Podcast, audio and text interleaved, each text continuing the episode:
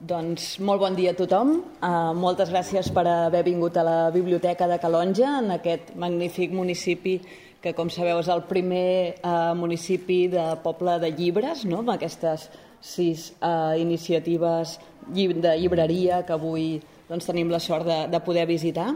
Uh, ens trobem en un de les sessions del cicle Humanets, els humanots de Josep Pla vistos per als seus nets.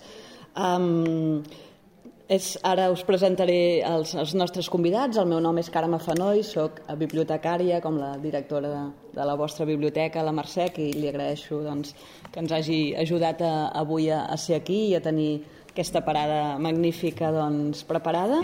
Um, mireu, ens trobem en la sisena uh, sessió d'aquest cicle.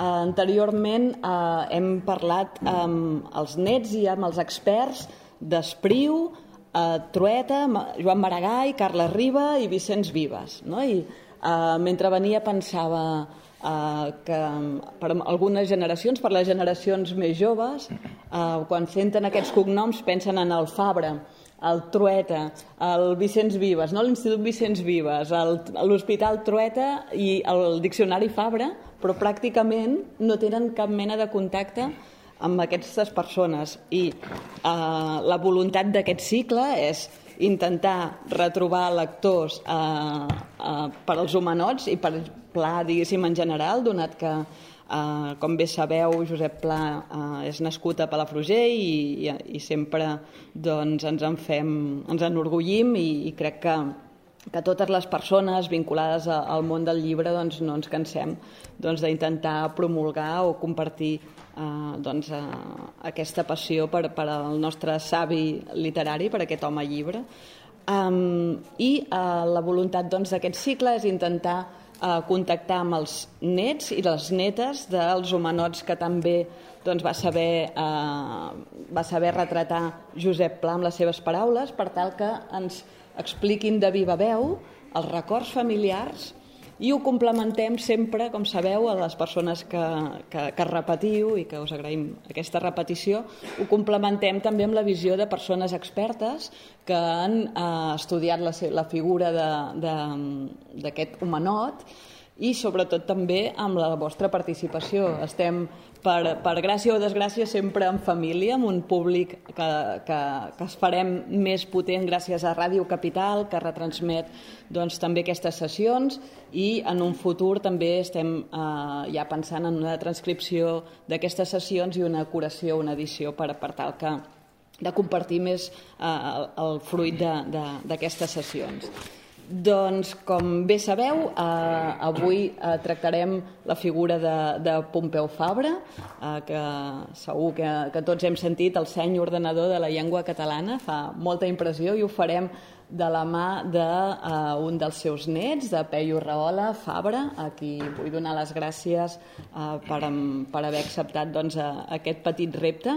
En Peyu és entomòleg de professió, va, uh, el vaig conèixer, uh, jo que fas, uh, via Google, no? uh, vaig, vaig veure que havia pogut recollir fa uns anys la, la medalla de, de la ciutat, uh, 81 anys després, per què no dir-ho, o, sigui, o 81 anys tard, per, per ser més exactes. El Peyu ens explicarà, no? jo vaig tenir la sort de, de tenir una prèvia molt agradable amb ell a Palamós, eh, que és la vila doncs, eh, que ens aproxima i, i diguéssim, està a prop del mar xerrant de, de, de la seva família i de la seva vida, doncs és molt, molt agradable i per tant eh, sé que, que, que no és senzill parlar dels nostres avis quan eh, Uh, però uh, això li, li, vull, li vull donar les gràcies per, per haver acceptat uh, aquest repte. Ell ens explicarà una mica la trajectòria, breument, la trajectòria de la seva família, uh, l'exili, no? tot, tot lligat amb l'exili, um, i també li faré alguna pregunta personal que espero que no l'incomodi per saber eh, doncs aquesta línia no? si, científica en el seu cas i també del seu avi, no? perquè eh, segurament sabeu que, que Fabra va ser també enginyer químic, va ser un dels estudiants de, de, de la primera escola d'enginyeria de, de, de Bilbao i, i per tant eh, hi ha aquí un, un, un llaç estret i també eh, tenim la sort de, de avui teníem nosaltres el senyor Jordi Miri Paratxe, tram, trampolí de Trem, trampolí eh, és trem. fantàstic, fa el Pallars.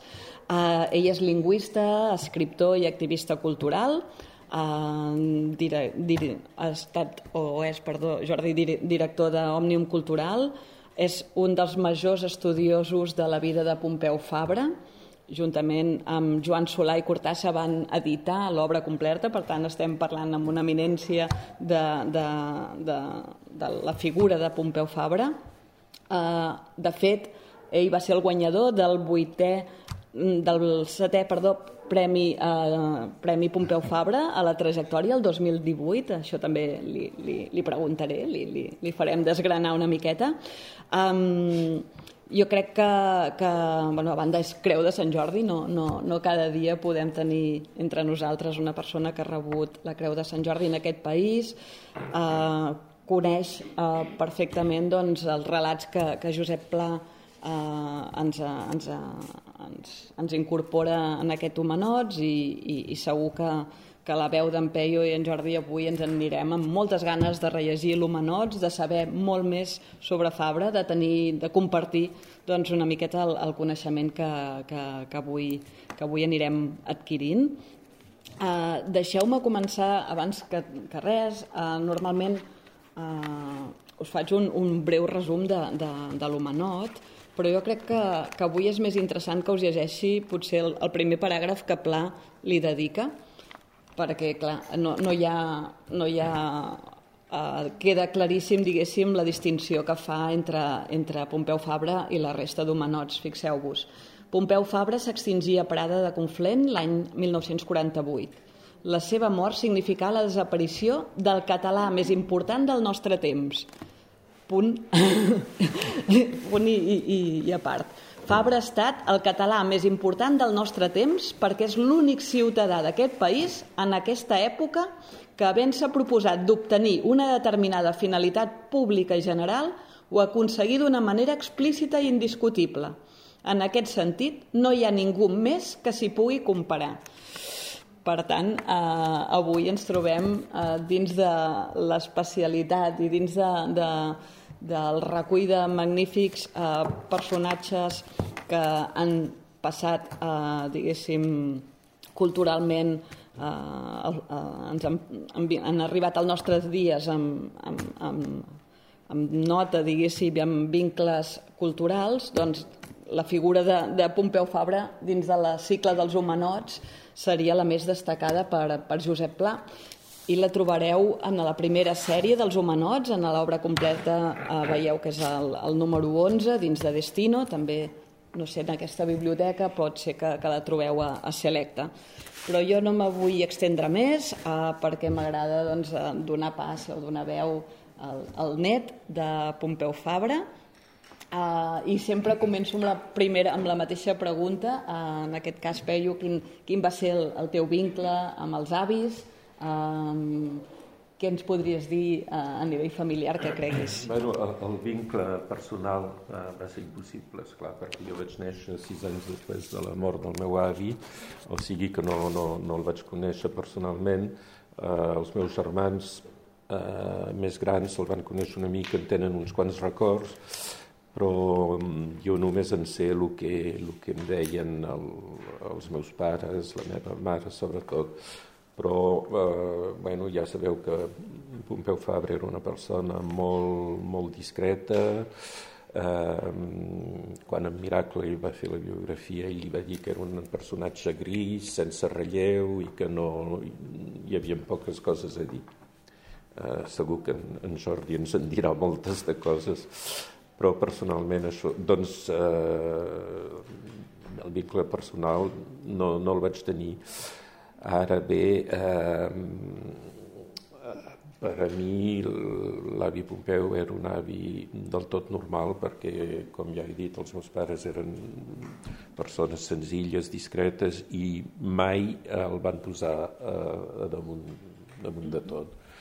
O sigui que quan en parlaven, en parlaven com d'un avi normal i, i a més en aquella època nosaltres vivíem a mil quilòmetres de Catalunya, i aquí a Espanya doncs, eh, Pompeu Fabra estava tapat i ben tapat i jo el vaig començar a descobrir a l'adolescència, quan vaig començar a interessar-me a, a la vida de a que passava a Catalunya, que quan vaig començar a tenir idees polítiques, que vaig començar a fer preguntes als meus pares, i em recordo que vam anar a un homenatge a la Salle Pleyel a París el mes de maig del 68 que hi havia un merder terrible, cotxes volcats, eh, policies a per tot, i nosaltres allà anant a, a sentir un concert amb, bueno, amb, amb els exiliats catalans de París, que n'hi havia molts, i que tots eren gent bueno, que eh, universitaris, polítics, artistes, eh, etc.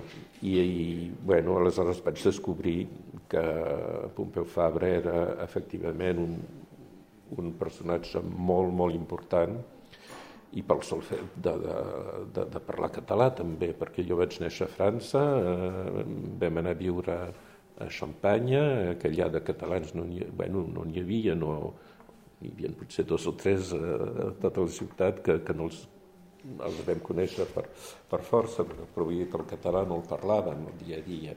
Jo la meva llengua és el francès, he estudiat a França, he estudiat el francès i, i el català el, vaig aprendre perquè eh, era net de Pompeu Fabra i, i, bueno, i m'hauria fet vergonya no, no parlar-lo i, no i, i, i no saber escriure'l per escriure'l, eh, bueno, el vaig aprendre escrivint cartes, perquè en aquella època no hi havia ordinadors ni res, i el meu germà gran va anar, va anar a Guaiana a fer el servei militar, a Guaiana, i li escrivia una carta cada setmana.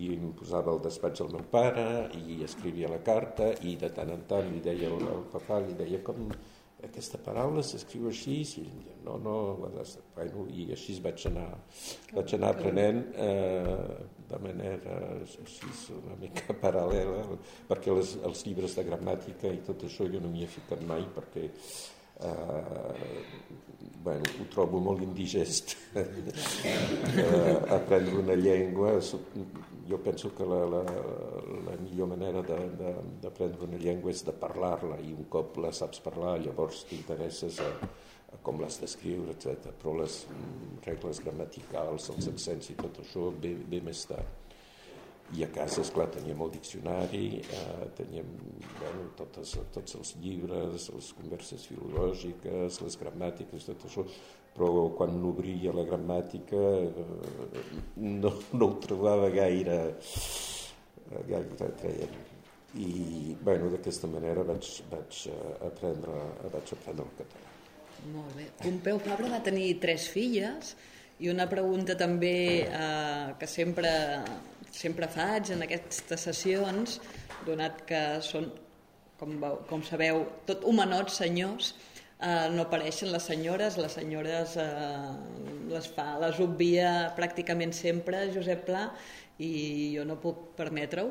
Per tant, eh, eh, tres filles, una esposa, eh, algun paper a la vida d'aquests eh, senyors il·lustres devien tenir les dones de la família, eh, algun record de l'àvia, algun, alguna, alguna transmissió de la figura de Pompeu Fabra via femenina que ens puguis compartir? Sí, bueno, la, la, la vídua de, de, de l'avi Pompeu era, una, era també un personatge molt divertida. Era una, una dona baixeta, eh, molt, molt discreta també, però que les engegava de tant en tant, era molt crítica, molt... Eh, I, eh, és clar també va ser important per nosaltres tenir-la perquè vivíem nosaltres a Reims i, i també ella va mantenir doncs, la, la, el record de l'avi i ens explicava unes quantes històries que ara em semblen impossibles perquè parlava del, del segle XIX i, i i estem al segle XXI i sembla, sembla impossible que, que hi hagi aquest, eh, eh, aquest temps tan llarg entre, entre el que m'explicava i, i ara. Doncs la, la, la, la meva àvia era de sempre quan anàvem a Barcelona deia que ella no, no era de Barcelona, que era de Sant Gervasi de Cassoles va néixer a Sant Gervasi de Cassoles. I, bueno, i, i l'avi ell va néixer a Gràcia que tampoc era en aquell moment era un poble que no era agregat encara, encara a Barcelona. I bueno, doncs la, es, va, es va casar amb el meu avi la, la Dolors Mestre i Climent era filla d'en Josep Mestre, farmacèutic i de la Filomena Climent i la seva mare va morir de malaltia i el seu pare es va suïcidar pocs anys, un parell d'anys després de, de, bueno, de la pena, etc. I llavors se'n va anar a viure amb la seva germana, que la seva germana sí que és un, un, un personatge també eh, cèlebre perquè eh, es deia, era la Teresa, i és la que va eh, influir en, eh, en l'obra de, de, de l'Eugeni d'Ors, la, la ben plantada. La ben plantada, doncs la ben plantada era la meva, la meva tia àvia. Eh, eh, també en trauríem una altra sessió, veritat, amb la ben plantada. I doncs la, la ben plantada estava casada amb el millor amic de l'avi Pompeu, eh, que era en Jaume Valeria, i bueno, l'avi Pompeu anant, anant a visitar el seu amic, en Jaume, va conèixer la, la germana de la seva, de la seva esposa i, bueno, i es, van, es van casar. Es van casar i llavors van anar a viure a Bilbao, on, on el meu avi tenia la càtedra de, de, de química a l'Escola d'Enginyers Industrials. Bueno, això tothom ja ho sap. I allà a Begolla doncs, van néixer les tres filles, la Carola, la Teresa i la Dolors, la meva mare, que era la més jove. Va néixer el 1912. Eh, bueno, eren tres filles molt diferents de, de, de, de, de caràcter, de físic, de tot el que vulguis. Eren, no semblaven germanes i bueno, sense voler ser dolent em sembla que la meva mare va, va tenir el millor de... La mare, eh? No, no, la mare, bueno, la, la, la, no la toquem. La, la Carola era molt... La Carola, el meu avi li deia humanot. El me, la meva filla sembla un humanot, perquè era molt forta, jugava a tennis eh, i va ser campiona de Catalunya de tennis, eh, la, la meva tia Carola i bueno, després tota aquesta gent eh, el 39 va haver de marxar pitant cap a França i bueno, i, la, de la vida de la, de la Pompeu a Prada en ser, en ser més coses perquè eh, hi ha gent allà que, que el van conèixer personalment, que editen uns llibres increïbles, que entre altres eh, organitzen l'Universitat Catalana d'Estiu, etc etc. I, bueno... Correcte. Uh, si, si, em permet, si em permeteu, una altra de les preguntes que solc fer en aquest cicle, i més avui, perquè veig en Jordi que ha vingut amb fitxes d'aquestes bibliotecàries, no, bé, les fitxes que, que, que Pompeu Fabra en devia tenir centenars, no?, amb aquesta ah, tasca ah, ingent. petits, sí, el meu germà en té, en té sí? moltes encara. En, això us volia preguntar, si disposeu de, de biblioteca de l'avi o, o de arxiu. Eh, després parlarem de, del que Jordi ha pogut fer, eh? però no sé si hi ha algun... Va, d'arxiu, d'arxiu i de llibres no, perquè va passar la frontera amb les mans al butxaca, va dir que no, no, no tenia res. La biblioteca, no sé què se'n va fer, bueno, molta gent diu que els feixistes la van tirar d'alta baix de la casa, que ho van cremar per allà. En fi, jo no sé si és veritat, perquè eh, els testimonis no, no, no, no, no coincideixen a vegades, no sé què, què en saps tu? De, de, de Més aviat no és gaire credible aquesta teoria. No, Potser jo, algun jo... llibre els dies que hi van entrar no diguessin ves aquest amb aquest llibre i estripar-lo ja bueno, però què se n'han fet doncs de, dels altres? se n'han localitzat bastants a la universitat ah. després ah. o sigui que algú els hi ha depositat d'una manera gairebé va, anònima eh? va, però per, per, sí, sí. per, la, per la signatura de llibre que hi posava Fabra uh -huh. Doncs que se'ls numerava d'una manera determinada jo, jo he arribat a tenir un que em va passar un que procedia d'això i hi ha hagut una dispersió el que passa és que la meva impressió, i jo evidentment en soc molt més lluny i conec molt menys totes aquestes interioritats de la família, és que Fabra no va acumular personalment una no. gran biblioteca. No. Més aviat mínima, dels llibres que li regalaven i prou. Sí. Ell els que volia tenia, els tenia per la seva feina i els tenia a l'institut. Mm. O sigui, no anava a comprar llibres no, no, no, no per era, no. perquè aquell amic meu ha fet un llibre ara i no. Si de cas li, li el regalaven i mm. aleshores doncs, ja el tenia, evidentment, i, i un gran respecte i tenia els que tenia. Però de llibreria poca, perquè al carrer de la Mercè mateix de Badalona, on va viure finalment, que és on podia tenir tots els seus llibres personals, és una cosa reduïdíssima que hi tenia un despatx. Sí, és, un, és una casa molt humil. Molt... Sí, que hi ha la meitat de, de prestatges que amb això que hi ha aquí davant, o sigui, que sí, tots sí, els sí, que sí. podia tenir.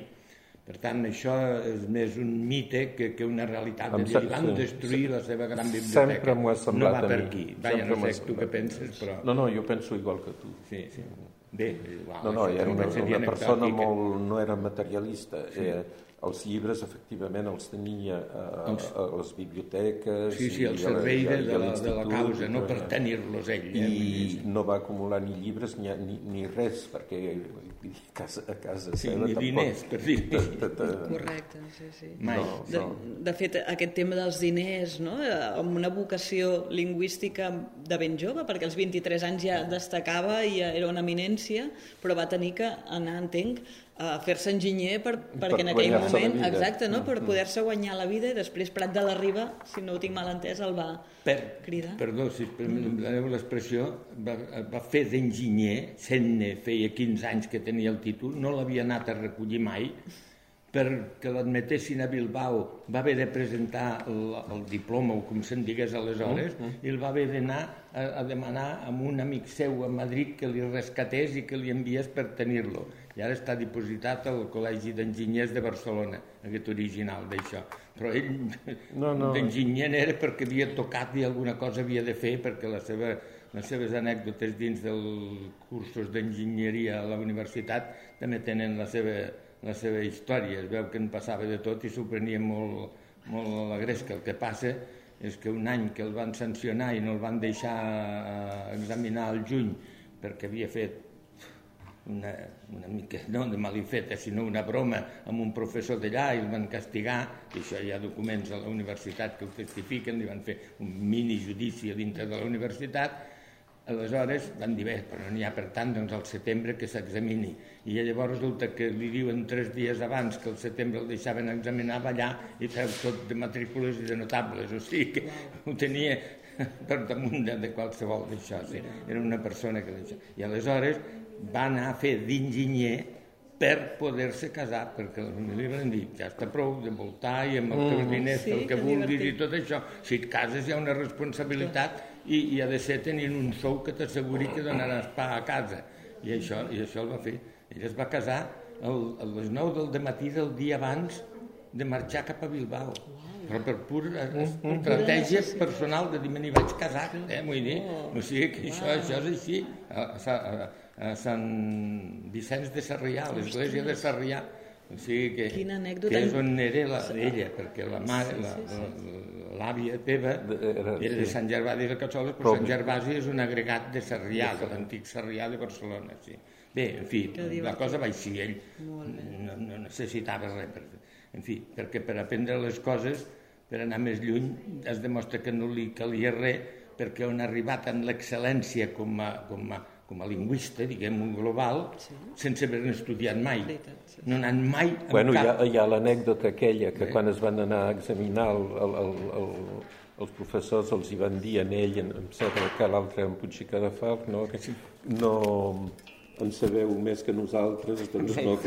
Sí. És un personatge singular en tots els sentits, eh? és una cosa era un personatge molt, molt distret també, molt, bueno, tenia una vida interior molt complicada, però es veu que era molt distret, perquè a mi m'han explicat que a vegades a Barcelona, quan tornàvem al tramvia, entrava a la casa del costat pensant en plan a casa seva Això ja no ho sabia i, i, i, i, ja ser ja... I després, de, ai, no, no reconeixia no, no. la casa i sortia i, i, i tornava a casa seva es veu que era en molt fi. així sí. no, no, és veritat i l'anècdota també en, en el tren de, de Perpinyà a Prada que, durant l'ocupació sí. alemana sí. que llegia un diari en alemany i uns, un, un oficial alemany li va dir vostè parla alemany i ell va dir no, no, jo no i, i quan va continuar llavors la van, el van dur allà a la Gestapo a veure que, qui era aquest personatge etc etc. en fi coses que li havien pogut costar car però... no, no, va arribar a dominar sis o set llengües sense que hi hagi constància en matemàtica que n'hagués estudiat mai cap amb unes notes determinades a tal lloc o tal altre. Superdotat, no? Sí, una, sí, una sí. persona que fa bé, el privilegiat. Compte, els mm. llibres que... Perquè jo crec que s'ha de destacar de Fabra una cosa, que en la fórmula de, de, d'instruir-se d'aquella època era absolutament un avançat. Perquè, per exemple, en les estructures d'aquí, acadèmiques normals, més o menys, de les que havia establertes, doncs resulta que això les superava amb aquesta facilitat i ell s'encarava sempre a Europa, que és on durant tots els anys que aquí hi havia hagut de decadència i de tot, s'havia evolucionat i aquí aquesta evolució no havia arribat, d'alguna manera. I aleshores és el primer que descobreix aquí a Catalunya els grans lingüistes europeus i tot això. I per això el model de llengua que va imposar, o que va proposar i imposar, és el que hi havia eh, en essència a, a Itàlia, a França, a Portugal, a, a, a les àrees de les llengües romàniques que es podien ser comparables, que aquestes sí que durant el segle XIX havien fet un procés de, d'actualització, de, de modernització o de lo que en vulguis dir, que aquí no s'havia produït. I aleshores és el primer que es mira la renaixença de la llengua no des d'un punt de vista nostàlgic i folclòric i tot, sinó des d'un punt de vista acadèmic partint de la base de, dels millors models que hi hagués a Europa. I és que això va, va ser el que es va imposar sense, sense pal·liatiu, i sense cap problema, perquè era d'un pes que, que anava més enllà del que pretenien tots els bons eh, sense cap problema potser no és cert perquè hi va, i, i, que, sense cap problema, no, perquè hi, hi, hi havia gent que anava molt... que va resistir molt. Sí, sí, sí, sí. D'acord, però es va imposar per, per, per, per inèrcia o per, per, perquè ja es va acabar els arguments en contra. Per ja, so. Però potser també les idees de la mancomunitat avançades no, en aquell temps que estaven mirant cap, a, cap, a, qui de, cap endavant. Qui, qui li havia de donar suport li va saber donar. Això el fenomen Prat de la Riba és, és rotund en aquest sentit, eh?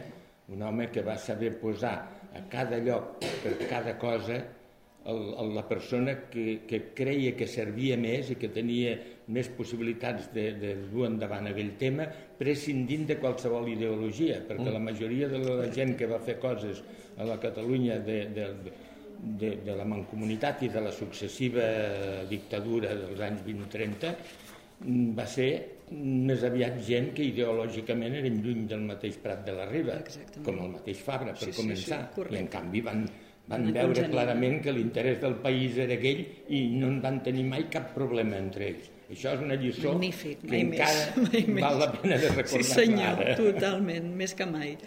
Sí, sí, sí, fantàstic. I, i una mica també agafo aquest fil per demanar-vos, eh, 2018 va ser any Fabra, Uh, M'agradaria saber la vostra opinió uh, respecte a les institucions del país envers la figura. Si considereu que, que, que ha estat recordat o ha estat estudiat amb prou, uh, amb prou contundència, que caldria recuperar-lo més.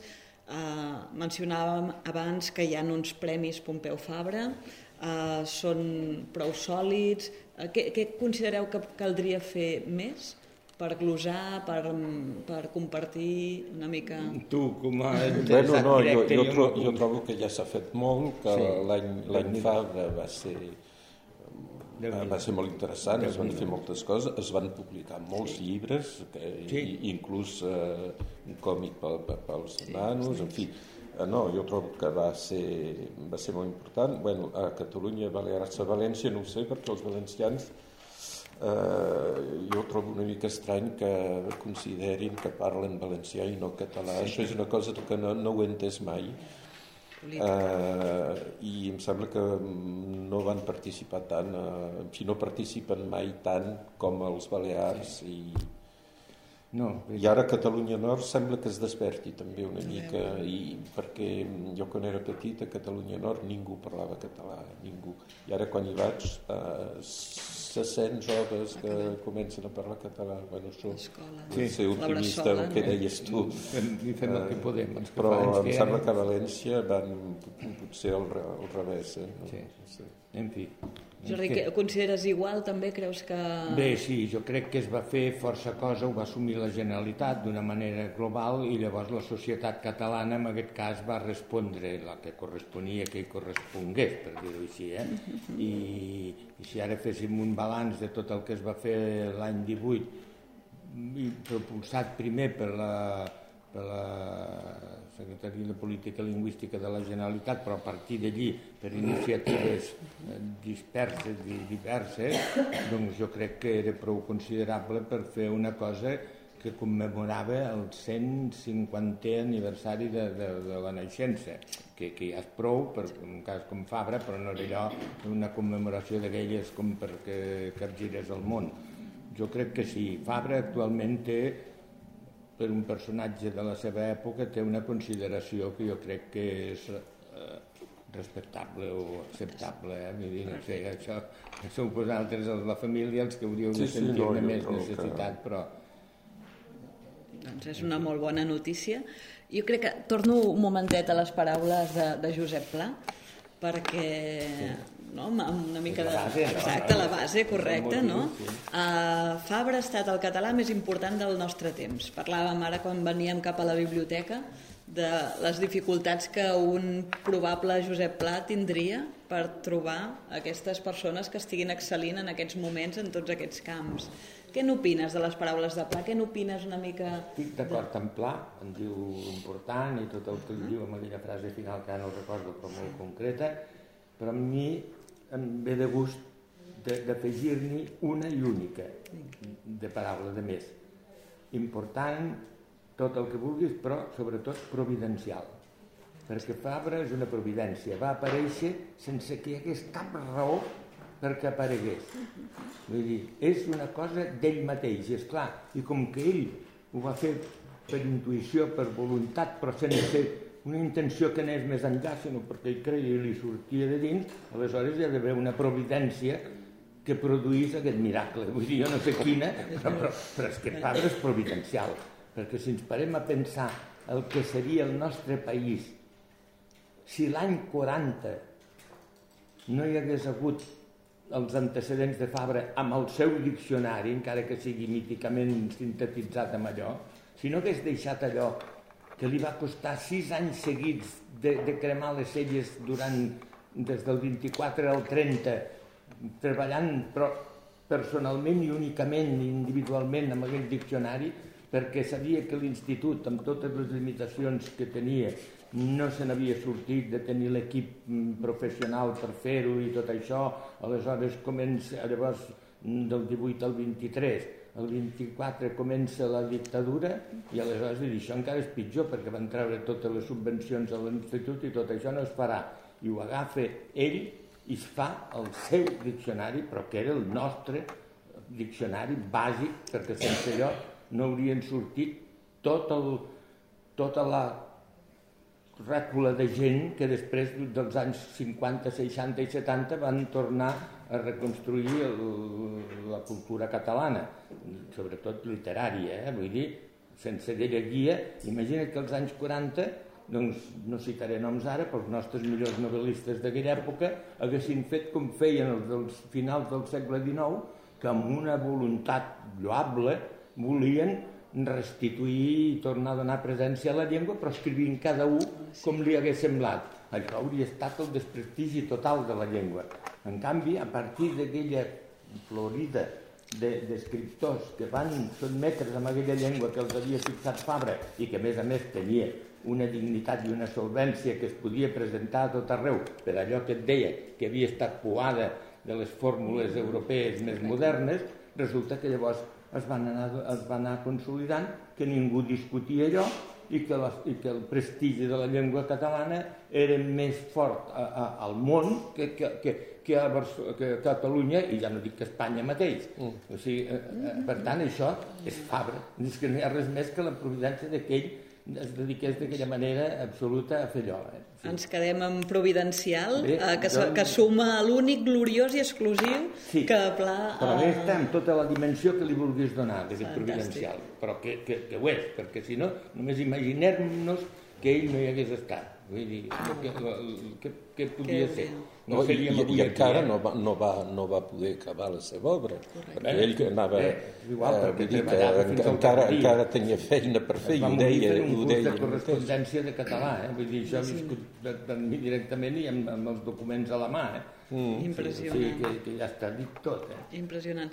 Al Jordi Mir eh, li hem d'agrair eh, que la seva gran biblioteca fabriana doncs, eh, la puguem consultar a l'Institut d'Estudis Catalans i eh, doncs, ha preservat tot aquest corpus que ha anat recol·lectant durant tota la seva vida a l'Institut d'Estudis Catalans, per tant eh, vull fer un agraïment diguéssim per part de tots els assistents i de tot el món bibliotecari aquí. Eh, eh, crec que, que és un, diguéssim, és de, de, de molt agrair que, que, que les persones com tu, amb, amb una mica l'esperit també de Pompeu Fabra, no? Estiguin, siguin capaços doncs, de, d'aquesta generositat de compartir el coneixement, de saber que hi ha institucions que poden sí, preservar i difondre, de, de, correcte, de la, de la... i en el teu cas m'agradaria que ens expliquessis una mica això, eh, que hi podríem trobar eh, com està l'Institut d'Estudis Catalans... Bé, no, no té més secret, sinó que vaig considerar que era el lloc on es podia perpetuar aquesta obra i que convenia que hi fos perquè no se sap el que pot passar encara,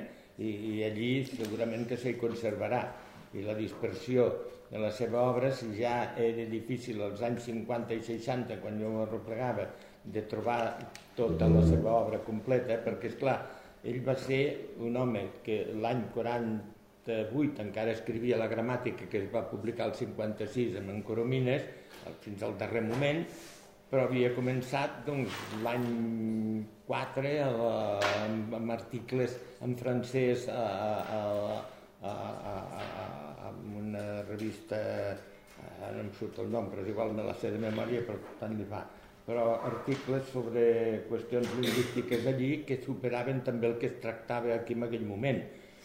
I això fa que hi hagués al llarg de, de, de, de 40 anys o 50 obra seva, de la qual alguna s'havia publicat i no s'havia tornat a, a reproduir mai més i quan vam posar-nos a recollir les obres per, per fer la publicació de les obres completes, algun, eh, algun article d'aquells tenia 100 anys i només existien en revistes molt remotes, dificilíssimes de trobar, que evidentment existien en, en 4 o 5 biblioteques del món, però, però, però així de sol.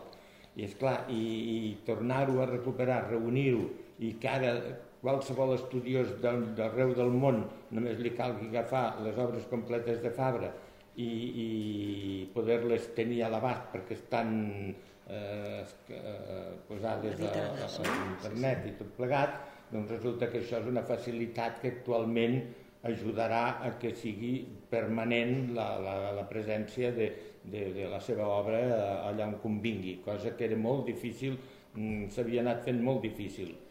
Jo un dia vaig pensar, i perdoneu que faci l'anècdota, anava per aquí i, i pensar, es vas a darrere d'aquestes obres de Fabra, aquella i aquella altra encara no les ha arribat a localitzar o no les vist mai, això fa 25 anys. I, i, i dic, i, vas a la, i, i encara més, vas a una llibreria de Barcelona actualment i li dir, doneu-me les obres que tingueu de Fabra i et poden dir tranquil·lament que no en tenen cap. Perquè en aquell moment ja no, ja no es produïen les reedicions del diccionari Fabra perquè hi havia hagut el de la Generalitat, cosa que em sembla, ai, de l'Institut, perdó, cosa que em sembla perfecta, però és clar que no et podien donar ni el seu diccionari Fabra, ni la seva gramàtica, ni la seva d'això, i és clar, i dic, això, amb un personatge de la transcendència d'ell no passaria en un país diguem-ne normal qualsevol. No podries anar a, a Londres i dir doni'm obres de, de Shakespeare per dir algú i que una llibreria com cal et digués que no en tenia cap. Dic, això no pot ser.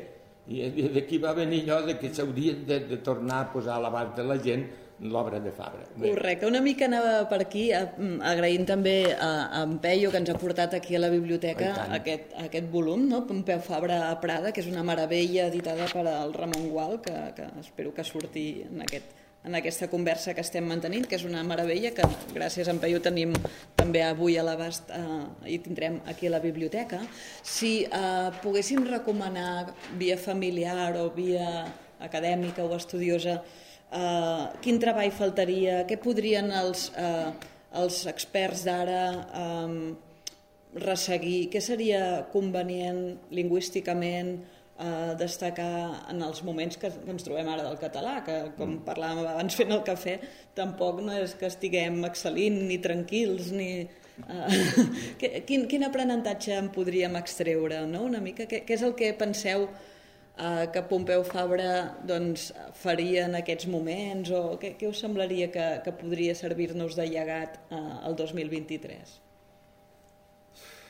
Bé, què vols que parli jo com... Expliques alguna cosa? Bueno, jo no ho sé, jo el que, bueno, el que és cert és que les llengües eh, van evolucionant, Tant. van... Eh, la clau.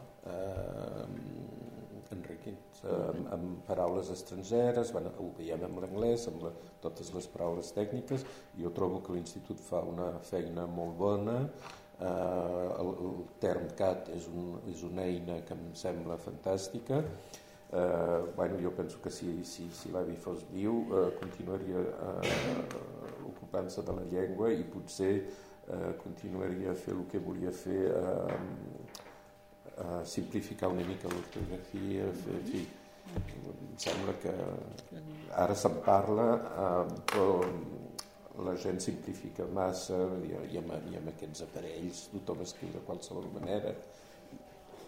I bueno, em sembla que la, la, les llengües, malauradament, eh, s'escriuran de més en més malament, eh, malament entre cometes, esclar, perquè la, la, és una evolució regressiva, trobo. Però, en fi. Sí, sí, sí.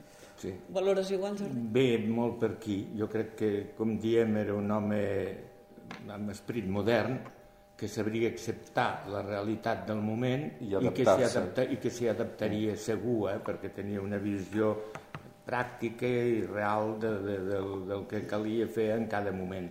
I, i la llengua catalana, en tant que indiscutiblement llengua viva, que això és el que compta, que és amb el que s'hauria agafat ell, doncs dintre d'aquesta condició de llengua viva, aplica-li les, la, les fórmules que, que, la, que la facin per viure i, esclar, potser sí que s'hauria de renunciar a alguna cosa que era tradicional, però bé, si ara ens mirem les obres de, de, de Roger Marco, de Bernat Metge o del que sigui, les reconeixem pràcticament totes, però no hi ha ni una sola paraula o, o, o lletra que sigui al seu lloc i vol dir que ha evolucionat, eh? vull dir, i, i en el natural. Allí ens hi veiem 300 anys, aquí ho veuríem amb 50, però l'evolució que segueix el món actualment amb, amb 50 anys ha evolucionat més que amb els 300 mm, anteriors. Sí. Per tant, això jo estic segur que Fabra ho, ho sabria controlar i, administrar eh, en la mesura que s'intenta fer també d'alguna manera, mantenir les arrels, mantenir les distanciacions. Fixem-nos una cosa, hi ha hagut llengües europees que hem sentit per alt, jo no en soc gens especialista, només d'allò de, de ressò, l'alemany fa 10-12 anys van tenir una discussió terrible de si canviaven moltes normes o què. Crec que hi va haver fins i tot dos diaris eh, importants d'Alemanya que un durant una època va escriure amb unes normes i l'altre amb l'altra, amb les que signessin com a evolucionades. I, i, esclar, i també van veure que allò tampoc era tot, tot no es podia matar tot el que és gras, que en diem, eh? O sigui que un sediment d'una llengua, la nostra, que és mil·lenària, té uns, unes bases i uns fonaments que, que no són com per dir demà la canvio tota i vinga la gent que, no, que, que, no. que la digui de cap treball. No, no, no, no és això. Eh? Per tant, doncs, això Fabra ho hauria fet bé i és el que s'intenta fer i per tant tenim una llengua presentable a tots els nivells, que és el que màximament podem aspirar eh, com a societat. Caram, moltíssimes gràcies. Obro, obro si us sembla bé, a mi m'agrada aquest format també familiar perquè normalment es desperten preguntes, eh, opinions. Eh, és, és el vostre torn per si voleu eh, fer alguna... Fantàstic. a mi m'ha cridat l'atenció que has dit que vas aprendre el català de forma... Sí, autodidacta. Autodidacta, sí. Llavors, la, la teva mare era una de les filles. Llavors mm. entenc que no era el català la llengua familiar. Sí. Sí, el català era, era la llengua familiar, però la família eren vuit individus, comptant l'àvia, i vivíem al mig de, de 150.000 persones que parlaven francès. I jo vaig estudiar a l'escola de, de, del parvulari fins a la universitat en francès, vull dir que el català només... El, bueno, i, i quan era jove, el, el català, quan venia a Catalunya, no el practicava pas al 100%, perquè tots els niños bien de, de Barcelona parlaven castellà aleshores, eh? I jo ja em barallava amb ells perquè els deia, però si sou catalans, per què parleu castellà? I, i, vaig, i així vaig poder aprendre el castellà també. Parlant amb els nanos, eh, però bueno, va ser una... Eh, però llavors a casa es parlava? A casa català. Amb tot, amb... Tots, eh, amb els meus germans, no, amb els meus germans no, mai he parlat francès, sempre, sempre hem parlat català, un català una mica, una mica prim, perquè ens faltava molt vocabulari. Eh? Les meves germanes, per exemple, eh, quan, quan parlaven entre elles feien com la gent d'aquí, a vegades posaven paraules, aquí posen paraules castellanes i elles de tant en tant posaven paraules franceses catalanitzades però que només, només les podia entendre la, la família. Vull dir. Però, en fi, eh, vam mantenir la llengua com vam poder i la vam mantenir força. A mi em diuen, ah, tens un accent francès, no sé què. Deixo parlar perquè hi ha tants accents a Catalunya i si sentiu la veu de, del meu avi, perquè hi ha el, el, uns quants enregistraments, sentireu que, parlava més com parlo jo que no pas com parla la gent de Vidilla, Barcelona i altres indrets. No, és veritat. És veritat, l'exili va, va fer que, que perversament pogués convertir una, una família Rahola Fabra, que aviat està dit, que dues nissagues d'un nivell total, que pogués convertir-la a, a, a quedar diluïda en un món del francès perquè no van poder tornar Aleshores hi ha una constància concreta. Jo he parlat amb, to, amb tots els teus germans, Peio, mm. i, i em consta que tots s'expressen en català amb normalitat. Vol dir que dintre d'aquell món, la família Fabra, un món hostil, amb la guerra europea entremig i, i la dispersió entre París i Reims i, i, i tots els llocs, vau mantenir el català com a llengua familiar. Mm. I avui, si m'ho deixes dir, jo em congratulo de que el Peio eh, sigui un palamosí, Exacte. però il·lustre, que torni la nissaga Fabra a Catalunya sí, de debò. És una molt bona reflexió, Jordi, sí, sí, és una, una certa restitució, eh? si, si ens ho permeteu. Ja, ja ens tocava els catalans sí, tornar senyor. a dir que la família Fabra és sí. de Catalunya, sí, sí. Que bé. Alguna curiositat o alguna, alguna reflexió que, que vulgueu compartir? A nivell escolar. Mane? A nivell escolar, la figura de Pompeu Fabra està molt estudiat eh, i efectivament si fem una enquesta demà amb els nens i demanem tu saps qui és Pompeu Fabra i eh, saben algo de l'obra, saben el que representa per el català per Bona pregunta. Català, sí. o no? Jo diria que, que no sé, bé, tu pots contestar no gaire i jo no gaire tampoc, perquè això i jo, el, el meu veí eh, em va dir l'altre dia ah, la meva, la meva neta eh, estan estudiant Pompeu Fabra a, a l'institut. Aquests dies estudien sí. lo del Bostravi. Sí. I, bueno, vaig dir, millor. Doncs es veu que quan suposo que els professors de català eh, parlen de, parlen de Pompeu Fabra, ara els, els nens no ho sé, em sembla que no, saben, ah, jo visc al carrer Pompeu Fabra, qui era Pompeu Fabra? Em sembla que no ho deuen, no ho si em permeteu, jo tinc dues filles de 16 i 18 anys i sí, saben que és Pompeu Bé, Fabra, bueno, l'han no, estudiat, no, no però... De, de, de, de... Ah, però, però, bueno, no, però l'han estudiat i, i el que crec que canvia envers la, la, una, la generació dels seus pares, que és la, la, la meva, és que nosaltres anàvem amb, amb Fabra a la, a la motxilla. Jo recordo el totxo a l'institut sí. i era el, el diccionari de referència i ara fins i tot en aquesta biblioteca veieu que els diccionaris queden sí. relegats en espais secundaris, sí, sí. ja no els utilitzen sí, sí, els nostres clar, nois, no? i aleshores eh, no, no té la mateixa presència i pes.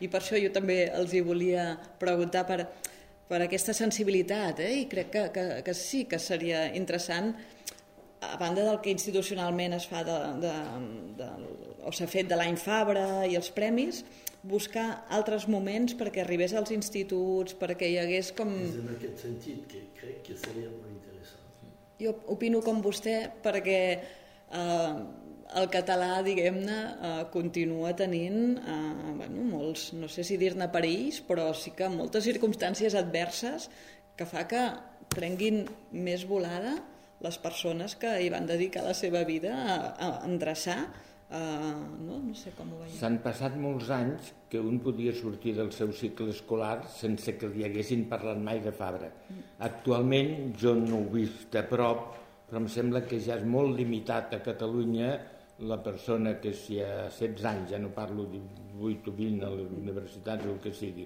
que a 16 anys hagi anat regularment en una escola de Catalunya, catalana, que no hagi sentit parlar de Pompeu Fabra. La intensitat amb la qual ho hagi fet queda una mica la voluntat de, de, de, de, de, de l'àmbit escolar de concret, de Gell. Ja, llavors això és més difícil. En canvi, el que sí que sembla evident que continua sent una matèria d'estudi als, als nivells. Per exemple, de, de tesis sobre Fabra, de comunicacions sobre estudis de l'obra aprofundint amb les qüestions de Fabra i així, això se'n continuen produint cada moment. I per tant això és un bagatge important que fa present als màxims nivells eh, intel·lectuals o acadèmics la presència de Fabra. I això, això sí, eh? per exemple, ara mateix, la setmana que ve, a Barcelona i a Tarragona es fa per cinquena vegada el simposi mm, de lingüística Pompeu Fabra. Dos dies a Badalona, a la Universitat Rovira i Virgili de Badalona, amb comunicacions de tot ordre sobre estudis derivats de temes fabrians. I això és la següent, amb una trentena de comunicacions, totes importants, fetes per universitaris catalans per reunir-les allí. I es fa cada cinc anys, i ja fa 25 anys que es va fer el primer, i, i cada cinc anys se n'ha fet un. El conjunt de documentació mm, sobre Fabra, en global, amb matisos diferents, que hi ha a través d'aquesta sola, comunica, sola comunicació és, és, és, és, és importantíssima, vull dir, és un personatge que en el món universitari té una presència indiscutible, i no solament en aquest sí, tema. Bueno, això, això és cert, Eh? Però no era la pregunta. La pregunta no, era... ja dic de base, ja he dit que... A, a un nivell... A la, a la petita nivell, ja li he dit que ara em penso que com a mínim els han parlat de Fabra. Sí, això, sí, això sí. ja, ja és el sí. que podem aspirar actualment, sí, sí. que és prou. I si els hi han sabut donar a aquell jove, o noia jove, un, una sensació de persona important, que és el sí, que es pot captar correcte. en un moment determinat, sí, sí. allò ja queda per tota la vida amb aquell Entens? Quan ens sent parlar, després, més enllà, ah, sí, Fabra, que ja ens va dir aquella mestra que era un senyor que...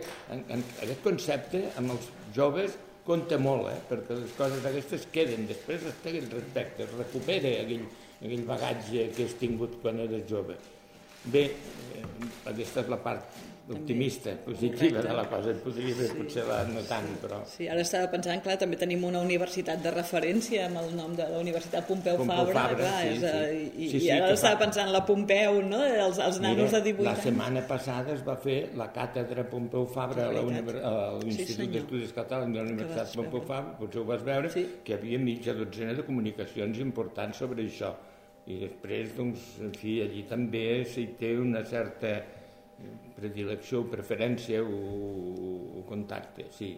Ha a la Universitat de Barcelona, a la Facultat de Filosofia, de Filologia, no hi ha cap any que no es faci algun, alguna sessió eh, parlant de qüestions lingüístiques i que aleshores inevitablement eh, surt Fabra. O sigui que en el món universitari hi té una gran presència i, i, i que es continua estudiant, eh? es continua estudiant. Sí. Fantàstic alguna...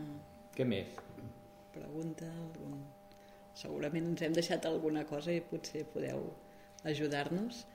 qualsevol cas, si, si no és així, jo crec que, que ha estat un, unes magnífiques intervencions. Jo he après moltíssim, espero que, que el públic que ens heu acompanyat també, que us hagin entrat moltes ganes de eh, conèixer més de la figura de Fabra, de, de, de d'explicar-ho, de, de llegir més humanots perquè esperem continuar amb aquesta idea no? de, de preservar el record de les persones que van excel·lir en la seva tasca, que avui en dia també ens fa falta posar-ho de, de manifest, uh, i agrair-vos, Peio i Jordi, la presència avui amb un aplaudiment. Moltíssimes gràcies.